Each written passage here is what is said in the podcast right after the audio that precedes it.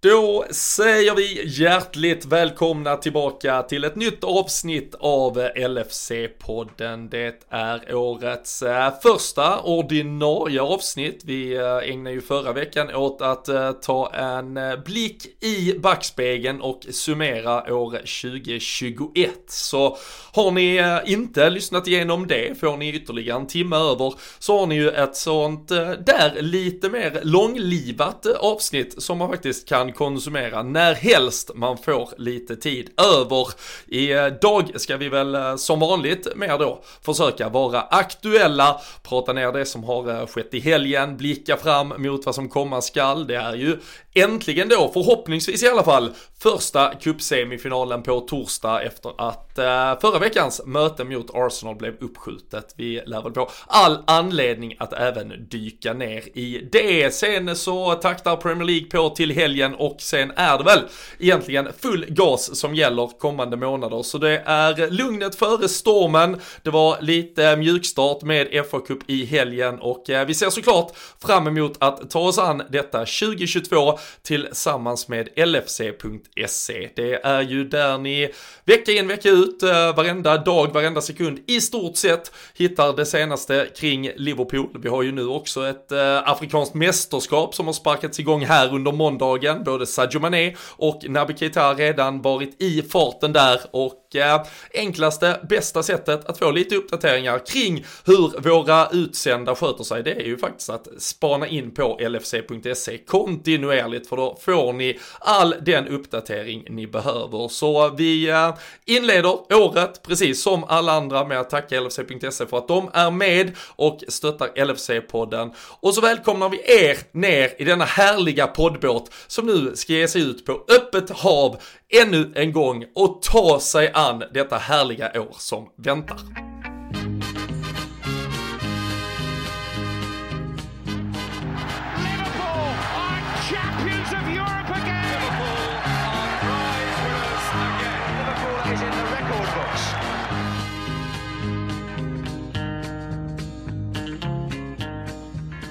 Jajamensan, Daniel Forsell, eh, du gör eh, säsongsdebut, eller årsdebut 2022. Du eh, slapp vara med om det tekniska haveri som jag och Fredrik inledde 2022 med senast. Men så är det ibland och vi fick ihop en årssummering. Jag vet inte om du har hunnit lyssna på det och om du drog ditt hår över några felbeslut vi tog när vi skulle gratulera spelare till insats insatser de gjorde under året.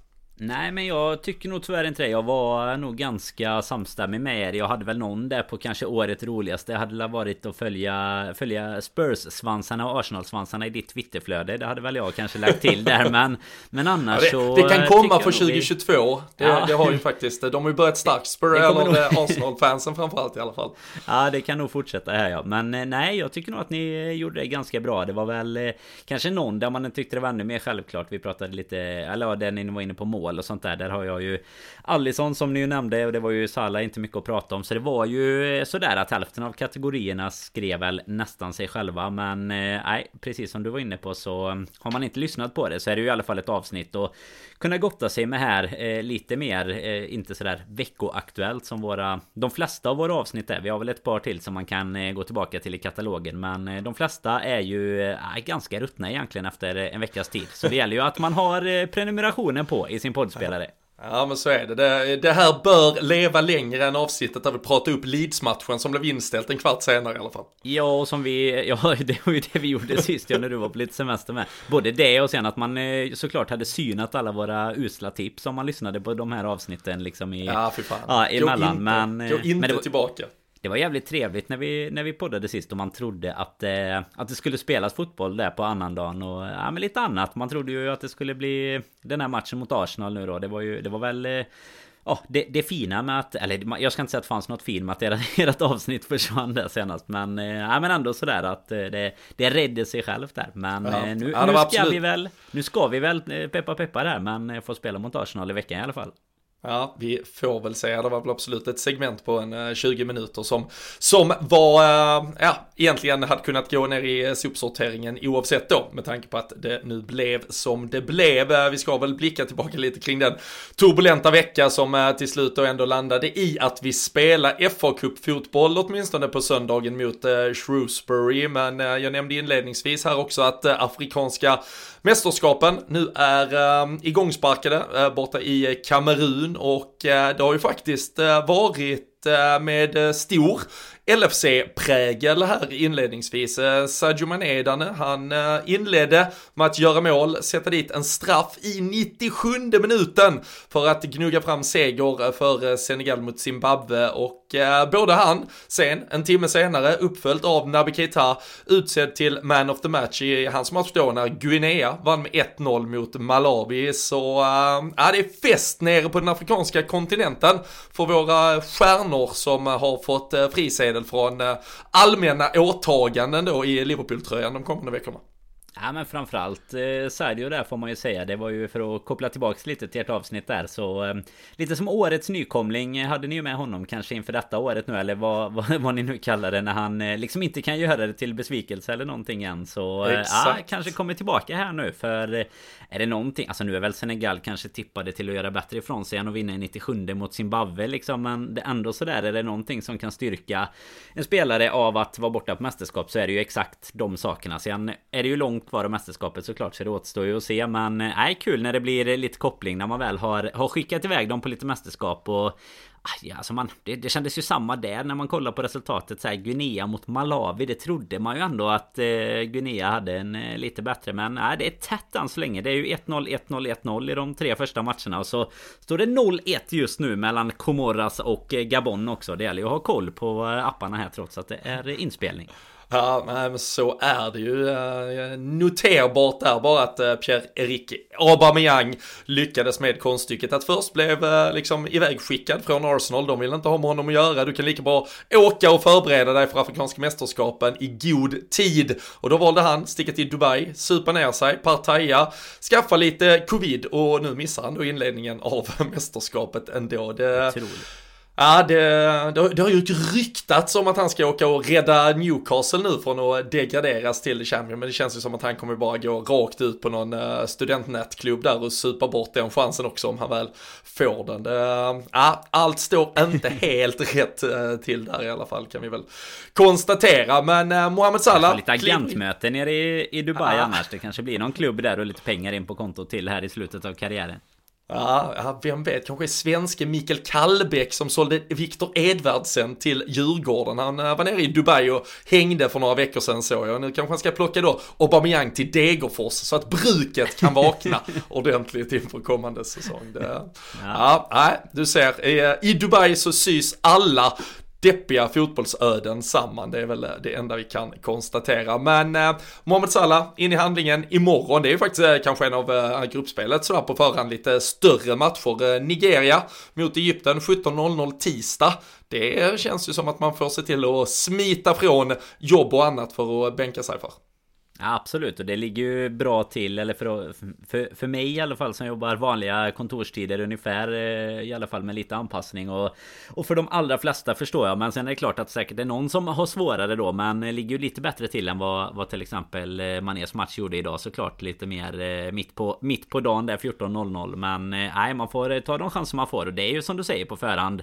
Alltså sen, Jag ska säga så här på förhand såklart en av de större Men sen tror jag också att man själv på grund av hur men man, alltså man, man, har ju, man har ju Nigeria, Nigeria 98 Exakt. har man ju ungefär som referens här på att Exakt, och det är antagligen så för jag vet jag var faktiskt inne och kikade lite odds och sådär. Nu ligger ju, ligger ju både Senegal med Mané och Egypten hade ju faktiskt lägst odds på att vinna på eh, På de sidorna jag kollade i alla fall. Men, men Nigeria är ju liksom inte ens typ med på de där Så att det, det var det där eh, förvånar mig lite mer. Men det var ju precis som du säger Man har ju liksom kvar mycket äldre tankar kring vissa av de här länderna. Men eh, Nej, på eh, lite som när vi mötte United. Man tror att det ska bli en stor match och sen blir det 5-0 eller någonting eh, liksom. Så att eh, Men nej, absolut kul att se Salah också såklart. Sen mm. måste jag säga att Afrikanska mästerskapen är nog det flaggsnyggaste mästerskapet ja, vi har här i världen. Och tröjsnygga. Alltså det är ju tröjsnyggast. Och jag såg bilder från invigningsceremonin i, under söndagen också där. Det, fan, det bara sprudlar och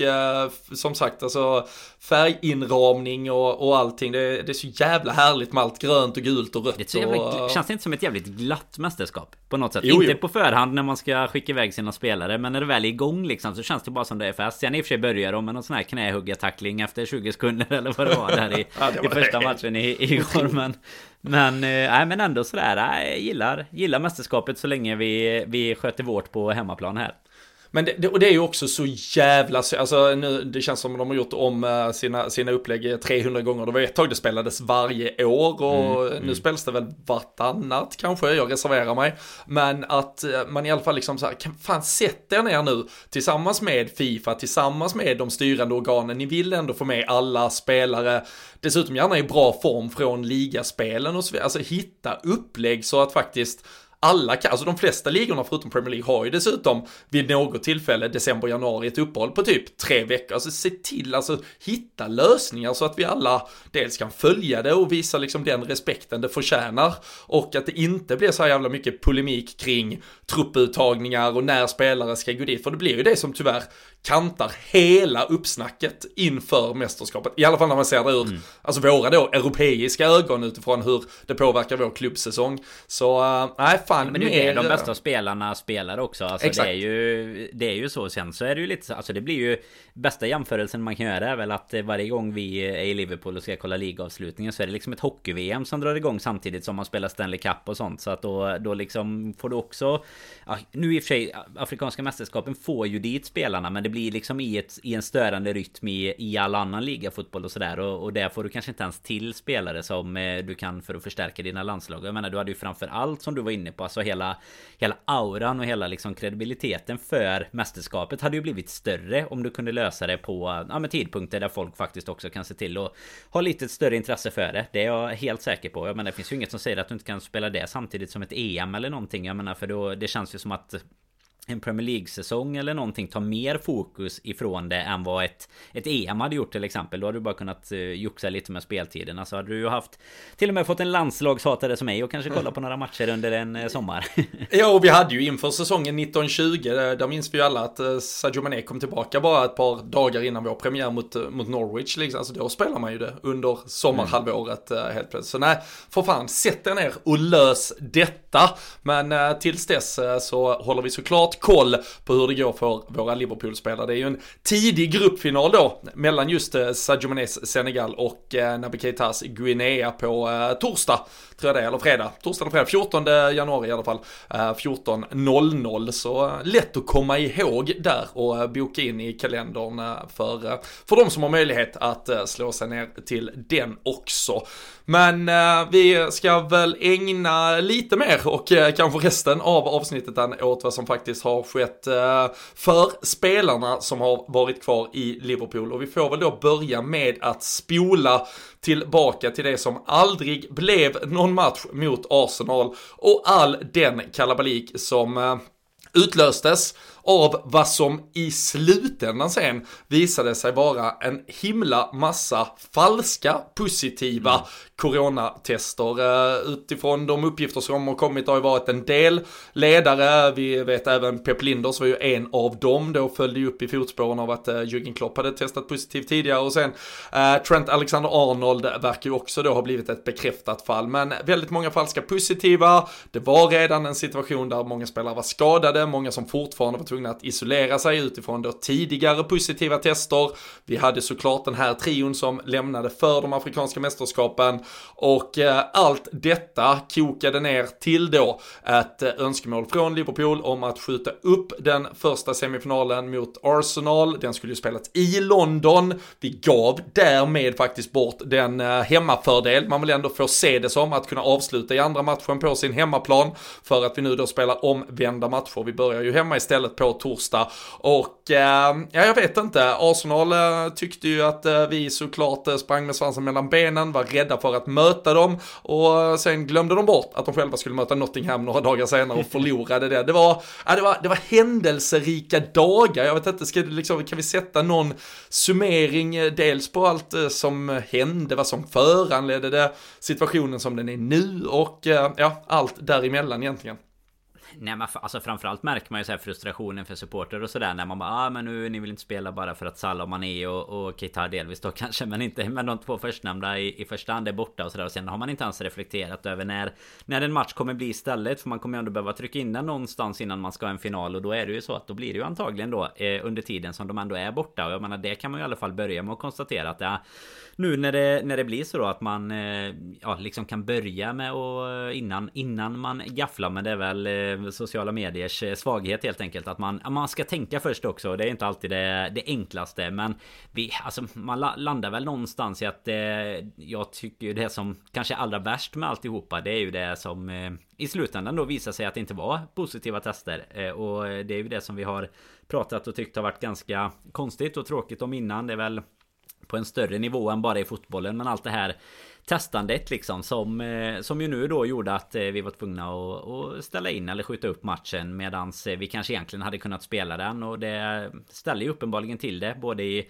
i Premier League och i andra situationer här nu då med ligacupen. Och, och en FA-cup som väl i och för sig verkar ha klarat sig ganska bra men alltså ett, ett snabbt exempel från den lite vi pratade ju om det när vi mötte Leicester i ligacupen att de helt plötsligt kunde ställa elvan på plan. Det var ju att de spelar ju match nu FA-cup men sen ställer de in matchen som de egentligen ska spela imorgon då i ligan början så man fattar ju inte riktigt det här. Transparensen har inte kommit fram och Henry Winter har ju eh, ja, försökt eh, sitt bästa för att putsa på LFC-poddens snack. Han vill ner. Han vill ner.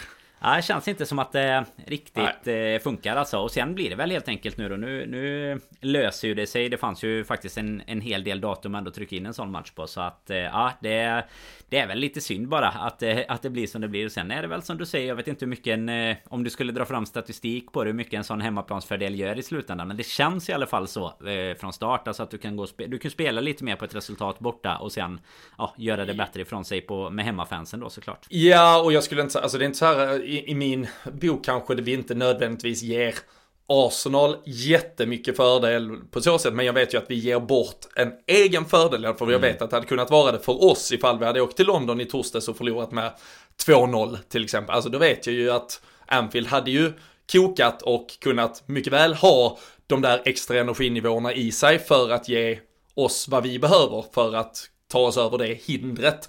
Så att säga, så, så jag mm. tror absolut att vi ger bort eh, lite av en fördel. Och vi ska väl, alltså som sagt, alltså det finns ju ingen transparens, det finns ingen tydlighet. Jag är den största kritikern själv och det var också så här när man ah, såklart fastnar i massa jävla Twitter-trådar där folk börjar liksom diskutera och sådär. Som att, som att jag själv, att vi då skulle liksom vara jätteglada och stolta och tycka att det här var skitbra det som händer i livet. Alltså, nej men jag tycker det är lika pissigt att det sker ja nu. Däremot så är det ju uppenbarligen redan då eh, liksom 30 fall som har satt, alltså satt eh, riktlinjerna för hur de uppenbarligen kommer bedöma saker och ting. Och då liksom, alltså jag kan ju personligen tycka en sak, men det är ju självklart att Liverpool som fotbollsklubb och som ja, konkurrerande förening som vill vinna saker kommer att utnyttja den eventuella möjlighet som har öppnats upp av att man redan då har gett dispens i så otroligt många fall som man hade gjort. Och där, där börjar man ju leka med elden och det har vi ju nämnt både här och vi har, liksom, jag har absolut talat om det i sociala medier också kring att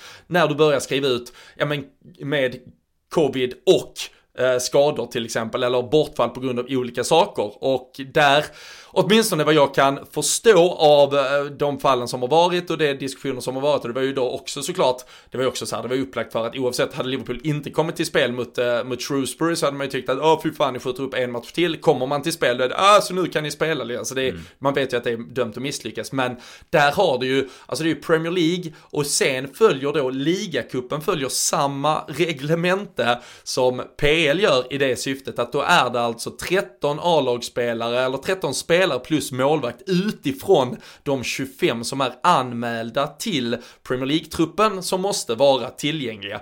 FA-cupen har andra regler där du då alltså så länge du kan mönstra ett lag hur i stort sett långt ner i åldrarna du måste gå. Sen finns det liksom en, eh, en kompetitiv, liksom vad du, ja det finns ju något att du ska värd, eller så här, eh, ja, respektera turneringens mm, integritet och, och allt möjligt skit. Men det, det, är ju så jävla luddigt så det är väldigt svårt att liksom påstå vem som gör det och inte gör det. Och, och var är liksom eh, Liverpool på den linjen när man eh, startar Max Boltman eh, eller någon annan. Det, det är ju helt för någon annan att diskutera så. Men här fanns det ju en möjlighet. Det var ju fortfarande lika många, så tittar du på antalet, vi hade ju inte 13 spelare plus målvakt utifrån vår 25-manna Premier League-trupp redo mot Shrewsbury heller. För alla de här falska positiva var ju uppenbarligen tvungna att ändå inte spela av någon annan då helt bisarr jävla anledning. Och det stora problemet i detta här är ju att vi testar fullt friska människor för ifall de har en snuva eller inte och det måste vi ju sluta med. Det är helt jävla sinnessjukt. På samma sätt som vi bränner bort pengar på denna jävla testningen i världen i övrigt så kan vi inte hålla på och testa de här spelarna hela jävla tiden. Utan visar du inte allvarliga symptom vilket gör att för får du feber då stannar du väl hemma, utgår ifrån det du väl gjort även innan det kom någon jävla coronavirus och satte liksom skräck i världen. Så, så det, de spelarna som har skiten och de får eh, Eh, uppenbarligen symptom av det och påverkas av det, ja men de är inte tillgängliga, men alla andra är tillgängliga tills dess att de i så fall har de här symptomen. Så vi får ju, det måste ju till någon förändring här. Och som sagt man öppnar Pandoras ask när man börjar prata om att det då var tillägg till skador och annat. Och nu, nu sitter man ju i den skiten och som sagt eh, Leicester är tillbaka i den igen då efter att själva varit involverade i ett par matcher tidigare också. Och nu liksom blir det som det blir. Så, eh, så det, det ja, jag, jag förstår inte liksom Arsenal-fans som tror att att Liverpool var skitglada över eller att vi tyckte så här, fan vad gött att vi kan göra det här. Jag förstår, alltså de hade ju också fått något jävla storhetsvansinne här Arsenal-fansen och trodde att vi var rädda för dem. Vilket mm. var det kanske liksom mest patetiska i, i hela det här, i hela den lite diskussionen. Som, eh, lite som när vi skulle mötas i ligan ungefär, när de också kom med lite uppåtgående form sådär. Och nu visade de väl mot eh, City att de eh, var lite starkare mot dem än vad de var när vi mötte dem. Men alltså det är ju bara som du säger som, som supporter var man ju bara besviken direkt på att det överhuvudtaget blir inställd match. Sen om det är vi eller de som ber om att han ska bli inställd. Det är ju snarare det som du är inne på. Att det blir ju tyvärr att man, eh, ja, men att man nyttjar hål i regelverket som gör att du kan skaffa dig en sportslig fördel. För det är klart att det blir det ju att slippa spela alldeles för täta matcher. Sen blir det ju tätt såklart längre fram. Men eh, nej då då blir det ju kanske att du kan anpassa dig lite mer. Sen blir det väl så att vi nu kommer vi ändå stå utan eh, de här spelarna när vi möter dem på torsdag. Så jag vet inte varför. Ja, när Arsenal liksom skulle vara. Varför det skulle vara så mycket bättre. Men eh, nej, jag eh, tror att vi ska. Det, det kommer vi väl till sen. Men jag tror att vi ändå ska gå dit och köra över dem faktiskt. Ja, nej, nej alltså. För, ja, men alltså för vår del så kunde det inte bli egentligen. Alltså vi hade Arsenal på bortaplan i ett möte nummer ett, där vi egentligen bara kan åka dit och försöka få ett så okej resultat som möjligt. Sen hade vi haft Shrewsbury då ett par dagar senare, där vi hade kunnat vila samtliga spelare, mer eller mindre. Och sen så hade vi då gått med bästa möjliga lag i hemmamatcher. Alltså så det som fanns mm planerat för Liverpool. Det var jättebra upplägg för oss så att vi skulle liksom söka en möjlighet och ett hål i lagen och som någon skrev att Liverpool eventuellt har samarbetat med de lokala hälsomyndigheterna för att fejka testa. Så det är, ja, det är att uh, ta det till nivåer som Ja, som man tycker att Arsenal också borde ha lärt sig av hur Mikael Arteta försökte bråka vid sidlinjen på Anfield och därmed satte full fart på läktarsång och annat. Och eh, är det något jag vet eh, och kan föreställa mig inför torsdag så är det ju att eh, både spelare, ledare och eh, fans framförallt kommer mana på Liverpool att gå rakt ut och försöka köra fullständigt över Arsenal. Så eh, jag vet inte, det är väl att de har varit borta så länge från den absoluta toppen där, så de har lite, de har lite glömt vad det handlar om här uppe. Det är när man är lite, lite kortare du vet och räcker upp till typ armbågarna. När man står och liksom är lite irriterande och knuffar och puttas och skriker nedanför liksom. Det, det finns många likheter med det där det, mm. det känns så. Så får man liksom någon typ som du säger lite storhetsvansinne. Man har fått lite några slagsmål med sig där och så nej. Det blev en verklighets... Eh, inte verklighetsuppfattning men det blev en liten ögonöppnare igår när de åkte istället då Mötte Nottingham och åkte ur FA-cupen där ganska snabbt och lätt Men eh, nej det blir väl... Det är skönt att ge lite nerv till ligacup-semi nu Nu, ja, nu vill man ju ha ligacupen här både trots såklart även fast man är så pass långt Det är ju också en grej som väcks lite Är man i kvartsfinal, semifinal så då, då då börjar ju faktiskt Carling Cup bli någonting. Men eh, nu, eh, nu blir det ju ännu mer. Så nej, ett flak Carabao till torsdagen så är man redo sen va? En ja, Carling och resten Carabao. Ja, så är det. Och så eh, kan vi väl nästan utgå från att det kommer att bli Chelsea i finalen. De eh, vann ju den första med mm. 2-0. Eh, Son skadad för Spurs. Det är väl det lilla eventuella hopp de hade. De hade ju det väldigt tufft för att ta sig förbi Morecambe här i veckan, eller i helgens fa Cup också. Så det, äh, det sprudlar ju inte om Contes gäng. Det har inte varit, det har inte varit ett helt vinnande koncept och börja bråka med sekten på Twitter de senaste veckorna för eh, ens eh, lag åtminstone. Nej, och framförallt så eh, de har, det, det, blir som så här som att spela skadad och få en liten spruta i benet liksom. Det är lite så de har det. För de vinner ju ändå matcherna, eller de tar sig förbi Watford med 1-0 i 96 eller vad det var. Men det känns väl inte som att det är hållbart på längre sikt. Och lite samma som United, de är lite tystare nu för tiden. Det har varit mer Arsenal och Spurs det sista. Men de insåg väl snabbt att Ralf kanske inte var svaret, jag vet inte. Nej, för helvete, det verkar inte som att så är eh, fallet. Eh, vi, eh, vi, ska, vi kommer väl till Arsenal vi, vi, får, vi får väl se vad vi eventuellt kan skrapa ihop för startelva till torsdagen. Men jag kan bara konstatera, åtminstone med en snabb titt då, i det afrikanska mästerskapsprogrammet att vi har alltså Egypten, Sudan 20.00 den 19 januari, Danne. Vad, vad hade man betalt för att han sitter på ett privatplan till London sen och sänker Arsenal på Emirates? Och Arsenal-fansen gråter ut på sociala medier. Ja, det hade ju det hade man gillat. Sen eh, ska det väl mycket till om de ska ha satt sig i ett så dåligt läge att, eh, att, det, blir, eh, att det blir hemresa efter lägg, lägg, Läggmatch mot Sudan för Salah bränner Salah en straff i 95 och bara springer. springer ut mot flygplanet. Dra, drar upp en biljett ur byxen. Hänger upp flaggan. Nej, fy fasen. Nej, det hade varit vackert. Ja. Ja, så, så är det. Men äh, ja, vi får se. Vi får anledning att återkomma. Det är som sagt äh, dubbla möten som ska avgöra ifall det blir en final på Wembley. Men äh, en annan väg som också till slut kan leda till Wembley. Det är ju såklart då FA-cupen där vi klev in i den tredje omgången under söndagen. Det var eh, Shrewsbury Town.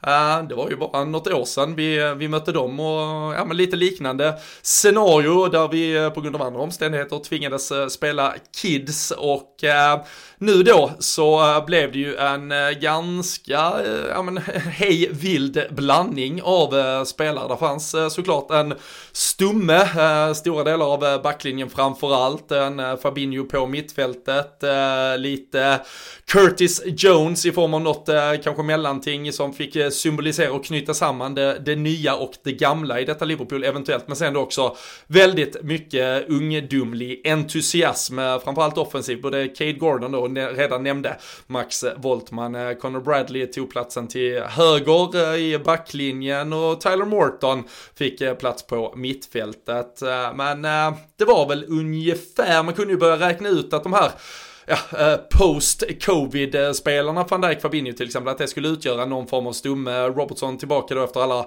avstängningar och skit han har sotat för. Men annars var det som sagt en härlig mix av det som klev ut då på Anfields matta. Och sen ett par starka namn på bänken också, ifall det skulle behövas. Ja men absolut, det var väl, alltså det, det gör ju tycker jag en eh, cupmatch lite roligare när det faktiskt spelas eh, den här typen av spelare istället för att det blir eh, ja men lite det här alltså att det, det är typ reserverna som eh, ja men om man jämför typen att en Adrian skulle stå bara för att liksom då då tycker jag det är roligare att se lite yngre förmågor. Just eh, målvaktspositionen är väl en... Eh, var väl ett dåligt exempel i och med att det var vår andra målvakt som ändå går in som är Kalle nu. Men just att man får se lite yngre förmågor eh, visa framfötterna. Och det gjorde de ju i mångt och mycket även om det var eh, Fabinho visat eh, gammal äldst eh, såklart med, med sina mål. Och att Firmino fick göra ett litet klackmål med. Men eh, nej, det är ju... Det ger en liten extra ja, vad ska man, en liten extra känsla tycker jag till både ligacupen och FA-cupen. Alltså det är typ det som ger en lite extra energi för de här matcherna när de kommer inklämda så här i ett, eh, ja, i ett schema som ju redan har varit tätt och varit så speciellt tycker jag med, med Corona och sådär. Så eh, nej, det var väl eh, tycker jag ganska många fötter man fick eh, se imponerande från. Det var ju kul att, eh, att Gordon kanske den som man tycker är en av de mest spännande fick eh, kröna det med, med ett mål också såklart. Mm, och där äh, nämnde vi ju faktiskt, vi pratade ju om honom i, det var väl inför eh, äh, Milan-matchen tror jag, när Champions League var liksom done and dusted och man äh, eventuellt skulle rotera lite spelare där. Men han har ju inte fått spela eh, i de här Champions League-matcherna eftersom han inte är A-listeregistrerad så att säga till truppen och sen så bommar han ju då på den här, det, det finns ju någon form av eh, reglemente kring att jag tror det är om det är två hela säsonger eller tre hela säsonger innan du är i en viss ålder du ska spela för klubben. Han kom ju från Derby County för faktiskt inte så länge sedan så det är ju liksom en talangvärvning så sett som eh, då har diskvalificerat från, eh, från de sammanhangen. Men, men här är han ju självskriven, vi har sett honom i uh, ligacupen tidigare också och uh, nu kanske han inte hade så mycket boll och så mycket involvering uh, som man eh, liksom hade kunnat hoppas på. Men i de direkt avgörande lägena och framförallt såklart det läget som blir till målet så visar han ju en otrolig kyla. Så det är ju en närvaro, tar emot den, verkligen vrider upp sig för att hitta luckan och, och smäller in den väldigt snyggt. Och det var ju dessutom då ett kombinationsspel signerat eh, både då Tyler Morton, eh, Dixon Bonner, Connor Bradley och eh, in till eh, Cade Gordon. Det var väl eh, statistikgurun Andrew Beasley som konstaterade att det var det första målet som Liverpool någonsin har gjort då. Kombinationsmål då. En 17-åring, en 18-åring, alltså en total ålder på 35. Det var första totalåldern då på assistenten och målgöraren som understeg åldern som James Milner numera har. Så det var ett snyggt rekord också i Liverpool-böckerna. Ja, otroligt viktig statistik om inte annat att lyfta fram. Det är, det är den statistiken vi gillar istället för expected goals och sånt där i strunt i efterhand. Ja, ja men precis. Så äh, nej, äh, mycket, mycket snyggt där. Men äh, det var ju faktiskt en kvittering och äh, vi hade ju fått äh, nästan lite då vibbar av någon eventuell kuppknall. Äh, det, det gick kanske lite för snabbt för att komma tillbaka då till 1-1. Äh, tog väl typ 6 eller 7 eller 8 minuter. men de eh, fick fira lite, de eh, mm. 5800 tillresta fansen åtminstone. Ja det var väl fint att de fick eh, Att de fick några minuter där i alla fall. Eh, det var väl en Som du sa en 7-8 minuter däremellan målen bara. Men eh, ja, Man blir ju också tycker jag med När det målet kommer. Alltså det var ju inte så att det kanske Det, det kom ju verkligen som en blixt från klar himmel så sett. Men så blir man ju ändå lite såhär bara äh, Vad fasen ska vi åka på en sån här sorti nu direkt liksom? Och man, man bara byggde upp skyddsmuren på sociala medier ungefär redan innan. Men det var ju tur att det inte går så lång tid. Man behövde inte fundera så mycket. Och sen Såklart klart med, med Gordons mål då sen med, med straffmålet precis innan halvlek där då Nej då var det ju bara egentligen rulla igenom andra halvlek känns det som. Eh, det var inte så mycket att, att snacka om. Men det var la, det var la härligt att de tillresta supportrarna också fick lite. Och eh, någonting för Holmgren att ropa lite för också. ja precis. det var inte mycket man... annat tyckte han ju där under matchen. Han tyckte att det var en lite halvtråkig match där. ja det, det var väl eh, Martin Åslund passade på att ge oss en liten lektion i marknadsekonomi och vad var det mer han var inne på? Charles och, Darwin eller vad fan var det? Eller Craig ja, det var... Jag kommer inte ihåg. Det var, någon... ja, det var många sidospår åtminstone. Men eh, nej, det kan man såklart ge till åtminstone typ 99,99% av alla de där tillresta Shrewsbury-fansen. Det var ju tyvärr en del eh, bilder som eh, kom ut på sociala medier inför matchen då, där tillresta fans som hade gjort trippen på 11 mil, för det noterade Niklas Holmgren ungefär sju gånger också i sändning. Men upp till Liverpool och på gatorna då går runt och skanderar typ att det var helt rätt att de 96 hade dött eller fuck off the 96 och så vidare. Jag vill egentligen, eh, alltså eh, jag orkar ju inte ens prata om eh, hur pissigt och vilka jävla jubelidioter det är. För, för tyvärr vet man också att det finns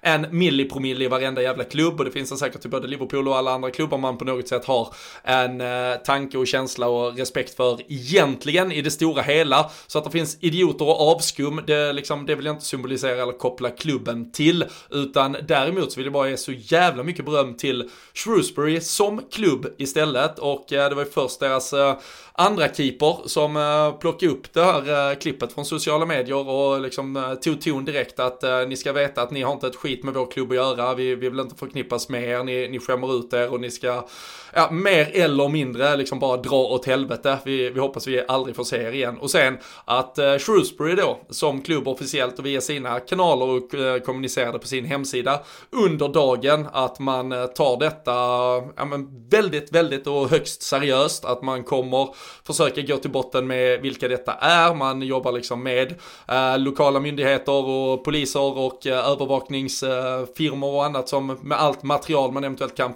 få fram. Man uppmanade supportrar att man kan höra av sig, eh, helt såklart eh, hemligt och ingen som liksom behöver vittna offentligt kring vilka detta kan vara, men att man gärna vill få fram vilka idioterna var. Uh, var väl en grupp på liksom 15-20 personer som uh, spatserar runt i Liverpool och trodde de var skitcoola. Och uh, att man helt enkelt vill porta dem uh, på livstid uh, med all säkerhet från, uh, från sin förening. Och det är Ja, det, det, jag, jag, tror fan också det behövs oftare. Det, det är mycket liksom eh, såklart och, och, ingen är Guds bästa barn här och det är många som gör korkade saker.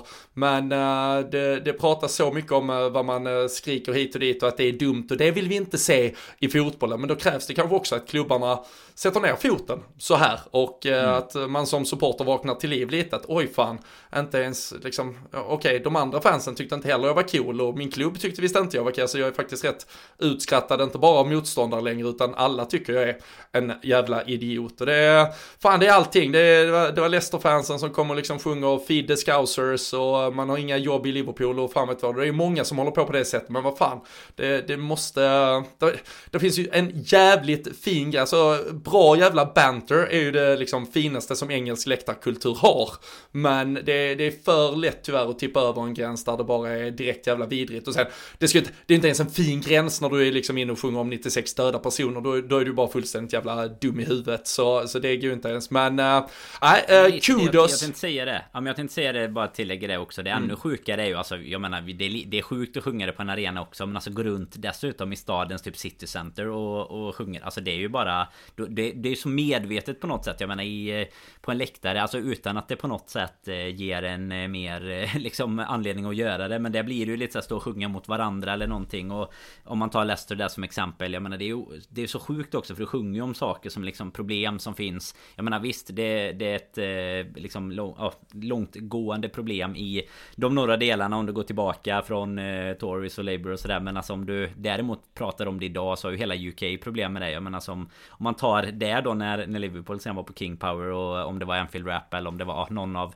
de här supportorganisationerna som går och, och liksom lämnar mat till deras eh, ja, motsvarighet till våra mm. foodbanks liksom utanför eh, arenan och visar ju att de, ni har ju samma problem liksom. Så idag kanske ni inte ska sjunga den sången. Men eh, tillbaka till just det här så är det ju så jäkla rätt bara att klubben också går ut. För det är precis som du säger, alltså det är det som hade behövts att klubben går ut och säger att eh, det, det får ni inte göra liksom. Och det är väl samma i, i ett miniformat där, eh, där vi hade lite supportrar som blev utskällda för att ha sjungit diverse saker efter Chelsea loan in Gilmore där i, i Norwich mm. bland annat. Liksom. Det, det är väl rätt att klubbarna och och liksom går ut med det. Ja, jag återigen, liksom, jag, jag ska inte vara, alltså som sagt, det, det som Shrewsbury sjöng, det, var, det är så uppenbart att det är över alla gränser och annars kan folk ha liksom Feed the Scousers och ja, det var ju Chelsea Rent Boys och, och sådär. Alltså det, jag förstår att det, det har liksom historiskt sjungit, men det krävs nog ett jävla wake-up call för för allt och alla. Och, och, det första är väl, alltså sen får du såklart gå till dig själv, tycker jag att detta är, tycker jag detta är bra banter, du kanske har dålig humor i så fall, inte fan vet jag, eller liksom, eller bör jag bara sluta med, men jag tror framförallt när just din egen klubb eller dina egna medsupportrar mm. markerar och säger, ja men vi tycker inte det alltså det var ju som också, det var ju, Klopp satt ju liksom ner och hade ett bra snack kring det efter Chelsea-matcherna, sådär att Alltså för det första, alltså du kan ju typ tycka lite vad du vill om du nu tycker det är okej okay eller inte okej. Alltså, okay, men skit alltså bara så du vet, det motiverar absolut inte mig som tränare i alla fall. Det motiverar inte någon spelare. Alltså vi tycker inte det är så jävla coolt när du sjunger det i alla fall. Och vad fan, man blir väl förhoppningsvis jävligt mindre benägen att ställa sig och sjunga det då vid nästa tillfälle. Så det, det är ju bra att klubbarna markerar och jag såg för att då kanske knyta an till eh, FA-cupen också där vi nu har lottats mot eh, Cardiff i eh, kommande runda så såg jag någon av deras supporterorganisationer som också var ute redan nu och liksom så här, bara kom ihåg när vi åker till Anfield, inte något jävla snack om liksom igen då, feed the scousers och att det är ett jävla shithole och att man inte har något jobb i Liverpool. Vi hatar också Tories, kom ihåg det, alltså det finns saker som är större än mm. det här lilla fotbollsrivaliteten vi ska hålla på med i 90 minuter utan vi har också ett jävla massa problem med, med fattigdom och vi har helt olika alltså, saker vi måste satsa pengar på som styrs av helt andra människor än det gemene mannen som går på den här fotbollsarenan. Så, så kom ihåg det i alla fall. Alltså, stötta ditt lag, var lite rolig, ha lite banter, ni får hetsa, gör det. Men eh, ja, eh, kom ihåg var gränserna går. Så eh, Lång utläggning men eh, mycket cred till Shrewsbury så eh, vi önskar väl dem all lycka på eh, sina vidare äventyr i ligaspelet den här säsongen även om nu FA Cup-drömmen dog redan här. Ja, nej men det, det är bara att instämma där. Det är ju som du säger, men alltså det finns ju något så jäkla vackert i, i liksom det här banten som är mellan Mellan brittiska fans tycker jag då, då att låta det inte tippa över. Det finns ju tillräckligt mycket roliga sånger som man kan sjunga eh, jämfört med att man behöver ta upp samhällsproblem på det sättet som, eh, som du nämner där med Cardiff bland annat. Som, eh, att, att man till och med delar dem. Så eh, det, det blir ju kanske bara visar lite intelligensnivån på, eh, på dem. Det är ofta som tur är då små grupper som, eh, som gör det. Men det blir ju en fin repris också. Det är tio, lite tioårsjubileum där de möta Cardiff faktiskt ju. Ja, precis. Du äh, minns ju rätt att det kan ha varit en match du äh, dammade av när du var på din lilla jul och nyårsturné också för äh, några år sedan. Det, det stämmer. Det? Jo, i ligan. Ja, ja jajamensan. Det När är det? Är det 12-13 typ? Eller något Nej, sånt? 13-14 säsongen. Det är 13-14 säsongen. Gu fina guldsäsongen innan vi vann guld Exakt, exakt. Ja. Nej, det, ja, men det, blir, eh, det blir fint. Eh, den, den ligger om några veckor så det lär vi få anledning att äh, återkomma till. Men äh, jag, jag tänker bara ett par saker, småsaker från äh, matchen. som jag skrev sa jag ju till Fredrik i förra avsnittet, årets roligaste. Jag hade med en av bubblan där att Firmino gjorde ett hattrick. För att livet är lite roligare när Roberto Firmino gör mål. Såklart ett hattrick speciellt, men igår, söndag, fick vi se honom klacka in en boll och sen, sen efter det, liksom, dels så betyder ju målet att vi kunde andas ut, men, men sen var det som att någon tryckte på eh, Joga Bonito-knappen och att eh, någon professionell fotbollsverksamhet, det var det inte vi sysslade med, utan han var på stranden i eh, Rio och gjorde lite vad han ville därefter.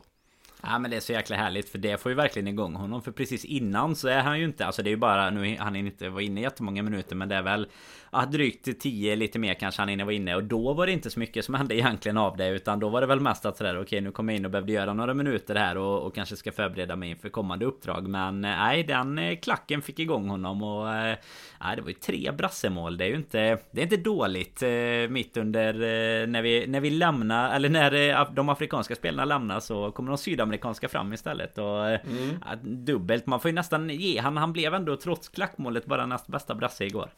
Ja, nej, men så är det ju. Och eh, nu är väl frågan, det finns ju faktiskt en tron att eh, ta för eh, Fabinho. Han eh, kom ju som eh, notorisk eh, straffskytt från eh, Monaco. Jag tycker det har varierat lite uppgifterna. Jag, jag såg både något om eh, 21 av 21, men sen 19 av 21 och, och lite däremellan. Men han var ju otroligt bra och eh, liksom hyllad och håsad straffskytt i Monaco.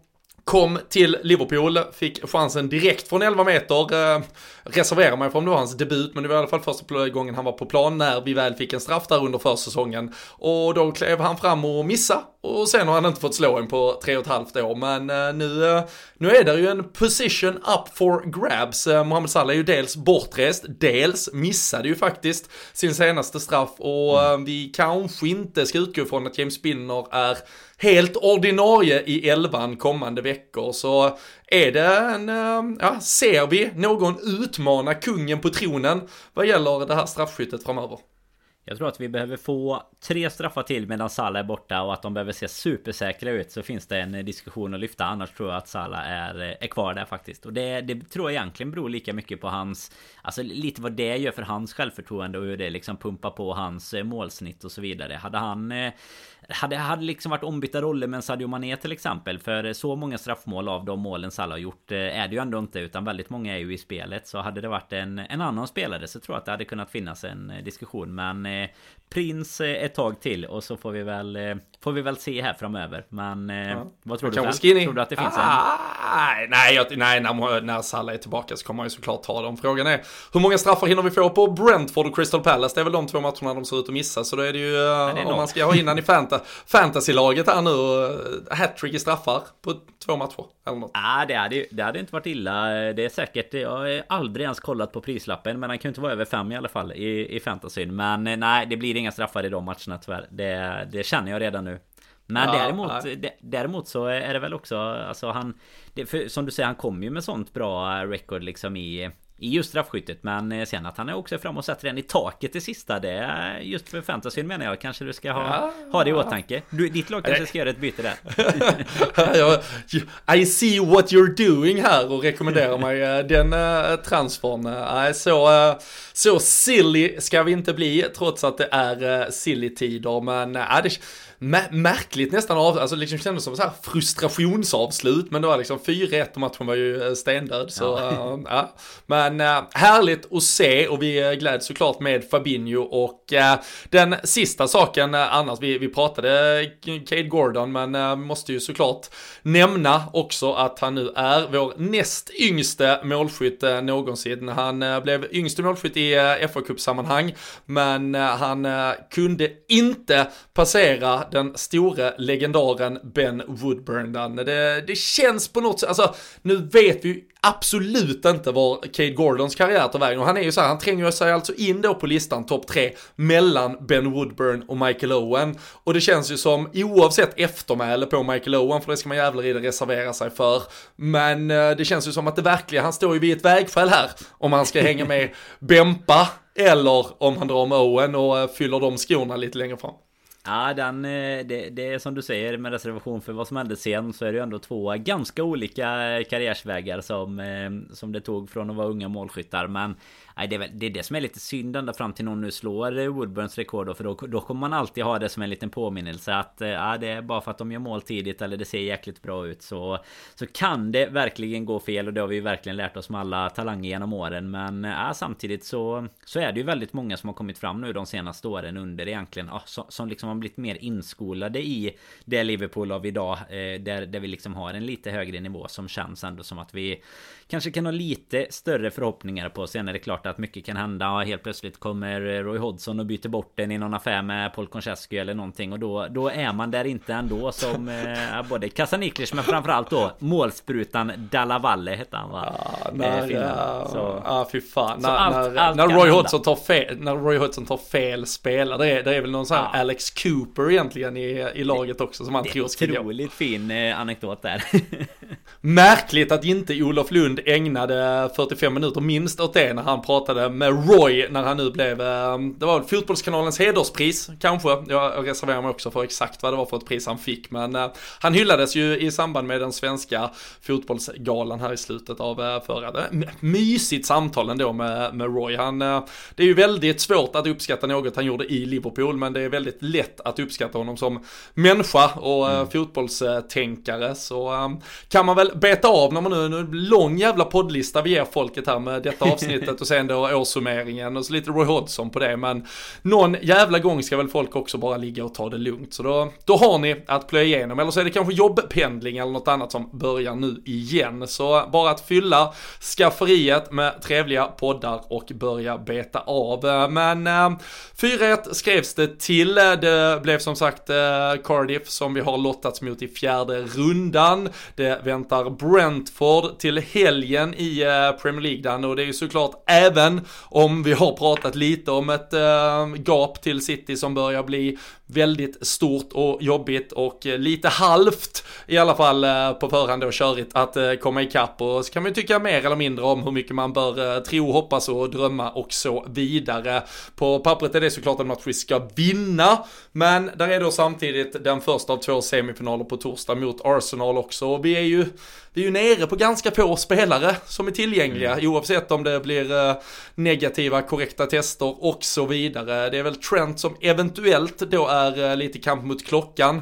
Eh, har väl inte kommunicerats exakt, det var ju efter Chelsea-matchen, var det, var det på kvällen efter, ja då är han ju antagligen fit for fight nu. Då har han ju så att säga avtjänat sin vecka isolering och, och kanske är tillbaka igen. Men med reservation för det då så, så är det väl, ehm, ja det, det, är ju de spelarna som finns där i stort sett. Det var skönt att se till exempel både Minamino, Firmino tillbaka. Diogo Jota var ju inte involverad alls men vi hoppas väl, man har ju inte hört något annat, att han, Henderson till exempel, Milner med flera kan vara tillgängliga. Men eh, hur tycker du att Klopp ska tänka och vilken match eventuellt lägger man mer vikt på? Handlar det om att bara åka och överleva i London eller, eller på hemmaplan förlåt för att sen då åka och vinna i London eller ja, vad tror vi om Klopps tankar inför sluttampen på veckan här?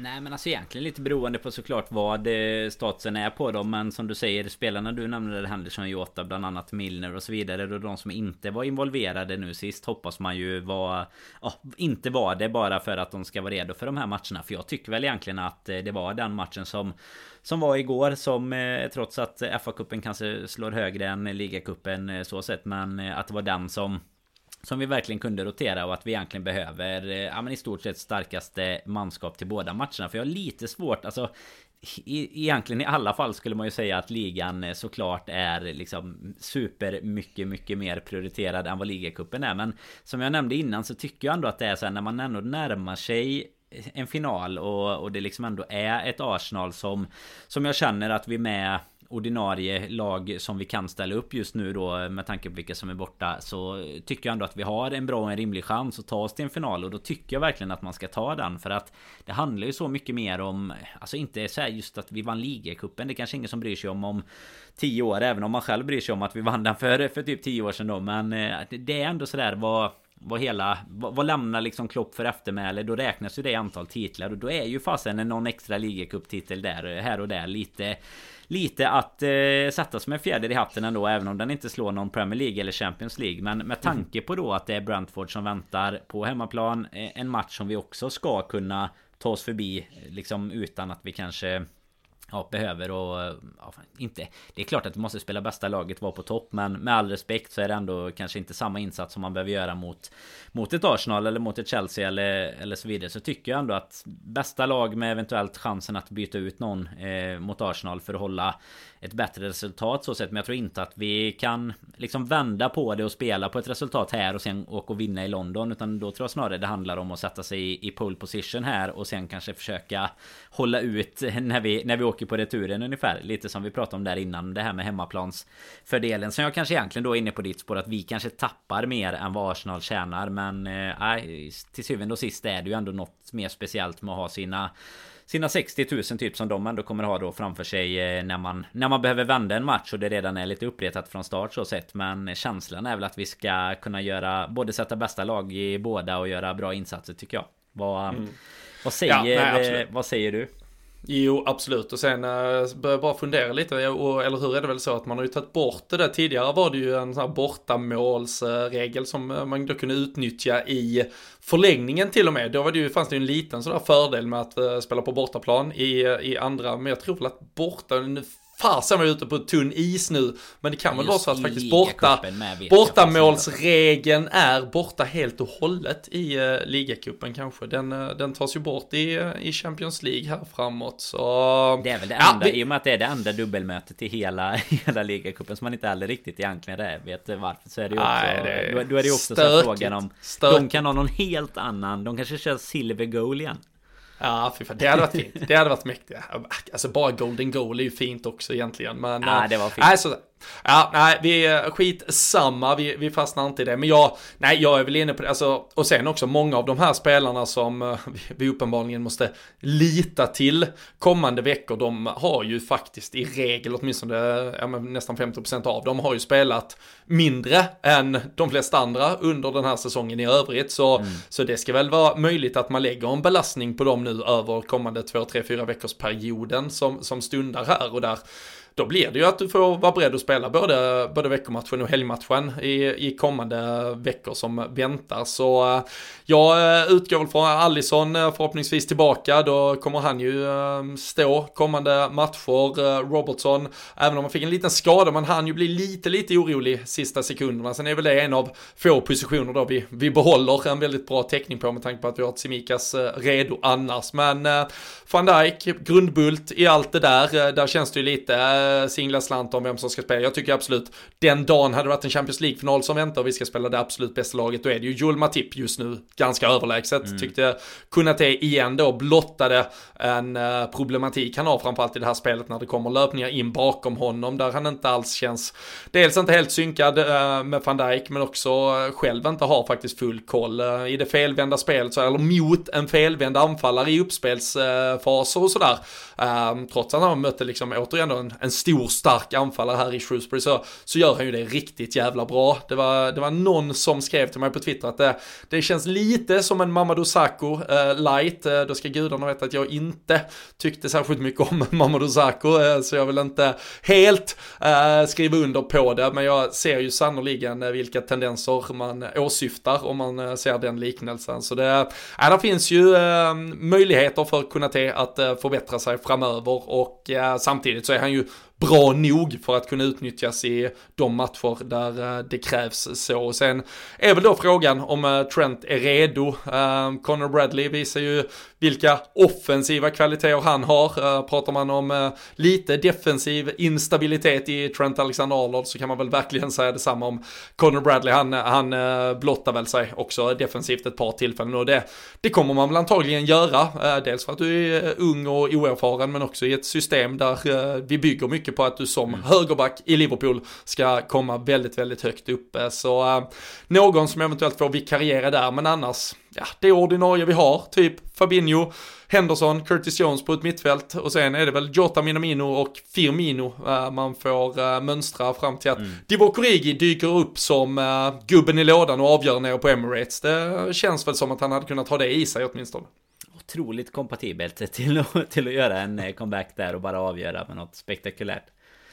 Så eh, nej, äh, vi, vi får väl se. Jag, jag utgår ifrån att det är, jag menar, som mer eller mindre bästa laget äh, om man får uttrycka det på det sättet som, som spelar kommande fyra matcher egentligen och sen ja. så är det liksom en, en mittbacksrotation, kanske att Simikas istället för Robertson spelar en match. Vi lär väl göra en eller två förändringar på ett mittfält då, men, men i övrigt så är det ju behöver vi helt enkelt utnyttja det som, det som finns kvar och uh, det enda vi kan hoppas nu är ju att alla de här diverse då uh, märkliga testresultat och annat skit. Dels att alla de är klara, att vi inte får någon annan liksom setback på det utan att alla spelare är redo och att vi uh, kan gå ut på torsdag och bara köra för mm. vi är ju ett bättre lag än Arsenal. Jag tycker vi är det även Alltså startar vi ungefär den elvan som, som jag satt och pratade om här så tycker jag att vi har förutsättningarna för att för att slå Arsenal med 2-0 kanske på hemmaplan och eh, då har vi ju ett grepp om det inför returen.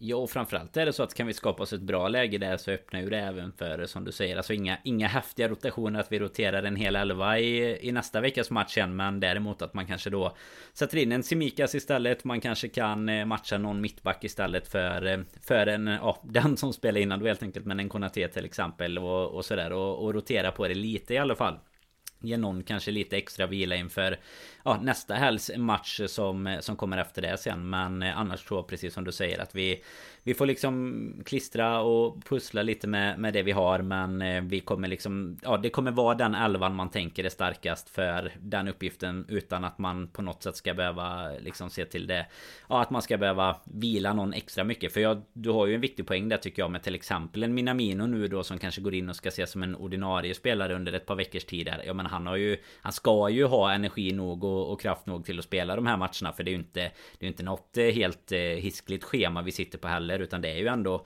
Fyra matcher på två veckor liksom med ett eh, en, en par tre dagars eh, mellanrum mellan varje då så att eh, normalt så Så ska väl det funka och det är ju inga av de här spelarna egentligen som Nej men som känns egentligen som att de är i en sån fysisk form så att det inte skulle kunna fungera utan det är ju egentligen mycket på det här eh, Vad heter det? Testlotteriet också som man ska lyckas vinna i också ja, Men eh, vi hoppas väl att vi, vi har eh, tillräckligt starka röster nu för att det ska minskas lite på det också kanske Ja, det, det enda man var besviken över var ju att eh, Peter Kravitz inte fick leda laget i, eh, i söndags. Lite tror jag. Så att, eh, riktig mysfarbror när han satt på presskonferensen inför matchen som han fick ta hand om. Men nej, vi hoppas som sagt att vi har tagit oss ur den där jävla teststormen och att vi kan blicka framåt mot dels match mot Arsenal på torsdag, Premier League som återvänder till helgen och att det därefter får rulla på så smärtfritt som bara möjligt. Vi följer såklart också hur det går för våra spelare borta på Afrikanska mästerskapen. Vi hoppas att de gör det bra. Sen gör det ju inget om de råkar åka ut och komma tillbaka och vara med oss istället. Men nej, man märker ju, man tycker man har hört, då att framförallt Sadio Mané har lyssnat till en hel del inför turneringen. Alltså han, han pratar ju om en otrolig stolthet att få leda sitt land och de var ju nära en seger där under sommaren 2019 och han eh, vill väl försöka kröna karriären med att även bli den ja men totala fullständiga eh, landsfader som han eh, skulle kunna bli ifall han eh, skjuter hem ett sånt här mästerskapsguld också till sitt folk. Så eh, nej, vi önskar dem all lycka där, eh, framförallt att de undviker sådana här eh, tacklingar i, i midjehöjd också. Och när de väl har gjort bra ifrån sig så får de komma tillbaka så hoppas vi att det finns lite Carabao Cup finalbiljetter och annat kul som ligger och väntar på dem. vi rullar vidare med podden såklart. Eh, det är eh, lite tajt att komma emellan där eh, torsdag söndag så det blir väl en stor uppsummering på måndag kväll efter att allt detta har spelats. Men självklart så blir det tipstävlingar. Vi får väl ursäkta att det inte kom en mot Shrewsbury, men det var lite så här, vi visste knappt om matchen skulle spelas, vi visste knappt vilka spelare som skulle vara tillgängliga för att spela och det kändes lite väl som en grumlig spåkula att titta i om vi skulle ha någon tipstävling där. Så hade Håll satt, ut! Hade någon satt Fabinho 4-1 då? Ah, jag är väl inte helt säker på det kanske, men 4-1 kanske man ändå hade slängt in. Det känns väl inte helt otroligt. Det känns som man hade bubblat. My, hade nog varit mycket Kate Gordon kanske faktiskt som äh, målskytt. Känns ja. som att det var lite skrivet i stjärnorna. Men äh, om man nu menar att man hade full koll på helgens äh, utfall så får man ta revansch på torsdag istället. Då är vi såklart tillbaka. Vi gör ju våra tipstävlingar tillsammans med Sam Dodds annars då varje match under hela året. Så äh, in på patreon.com slash LFC-podden. Då är ni ju dessutom med och säkerställer att LFC pollen, eh, pollen, det ska vi fan inte ha än Danne, det är några månader kvar, men att LFC-podden rullar vidare hela året också. Så eh, in där, vi eh, är eh, så glada att många redan är med oss. gillar ni också det vi gör så gå in på patreon.com slash LFC-podden. Men tills vi hörs igen så önskar vi er en fortsatt riktigt god start här på 2022 och att ni tar hand om er där hemma. Vi hörs och ses snart igen, ha det så bra så länge. Bye.